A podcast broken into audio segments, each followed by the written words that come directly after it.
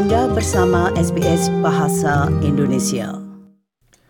Saudara pendengar, penelitian baru menunjukkan ada hubungan yang signifikan antara demensia dan gangguan pendengaran. Dan bahkan gangguan pendengaran ringan pun meningkatkan risiko penurunan kognitif. Para ahli mengatakan risiko yang dapat dihindari ini dapat dikurangi dengan deteksi dan pengobatan dini. Berikut ini laporan tentang hal tersebut yang disusun oleh Sital Singh. Penelitian baru menunjukkan ada hubungan yang signifikan antara demensia dan gangguan pendengaran. Sebuah laporan dari Asosiasi Industri Perawatan Pendengaran menunjukkan bahwa dibandingkan dengan orang-orang dengan pendengaran normal, risiko mengembangkan demensia bisa tiga kali lebih besar bagi orang-orang dengan gangguan pendengaran, bahkan yang ringan. Matthew Grounds adalah audiolog senior di Expression Australia, yaitu sebuah agensi pendukung gangguan pendengaran. Ia mengatakan karena gangguan pendengaran, orang sering menarik diri dari masyarakat, kadang-kadang tanpa menyadarinya. Ia menjelaskan hubungan antara demensia dan gangguan pendengaran sebagai berikut.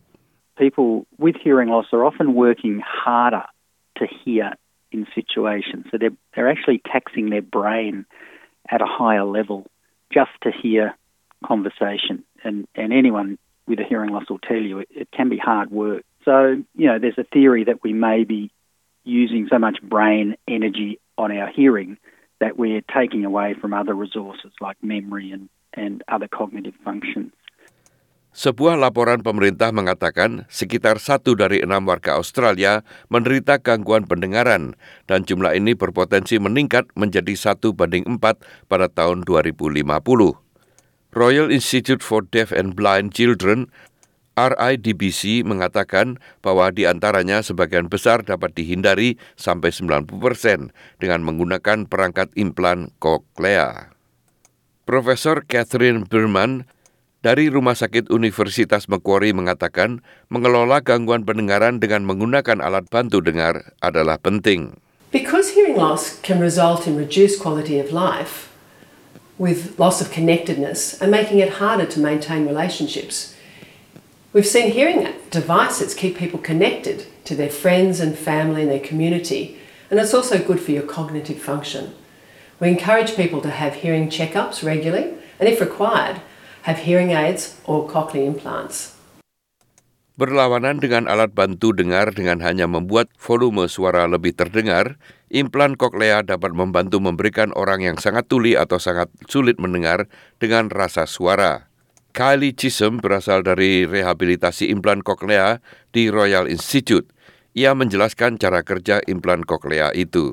Got two parts. It's got external processor, which is one on the outside, and it's got an internal part that the surgeon puts under the skin at the time of surgery.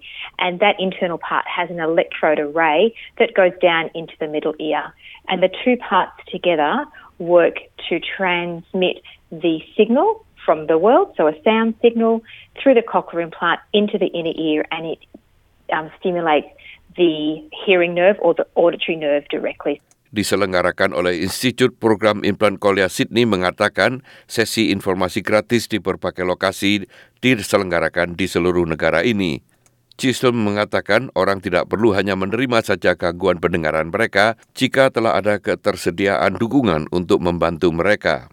So all of our assessments and our post-op care for people who have a mm-hmm. cochlear implant yeah. is at no charge to the client, and then we work with them uh, to explore funding options for surgery.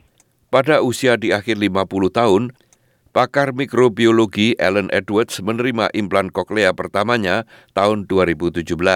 I like I love being busy, and um, that is really one of the things that drove me to get a cochlear implant because without them I don't think I'd be able to talk on the phone. I mean, it's not perfect. Uh, and I still have to sometimes say, excuse me, what did you say? But it's so much better. Dr. Edwards percaya implan koklea adalah pilihan pribadi, namun ia lebih memilih mereka daripada alat bantu dengar lainnya. For me, hearing loss was quite painful. Also, I didn't just miss bits of words, but it was physically painful. But the hearing aids were so loud, they were giving me a headache. It, it, was it was very uncomfortable. So for me, the cochlear implants are fantastic because they've really, really helped me. sukai, berbagi, komentar. Ikuti SBS program Bahasa Indonesia di Facebook.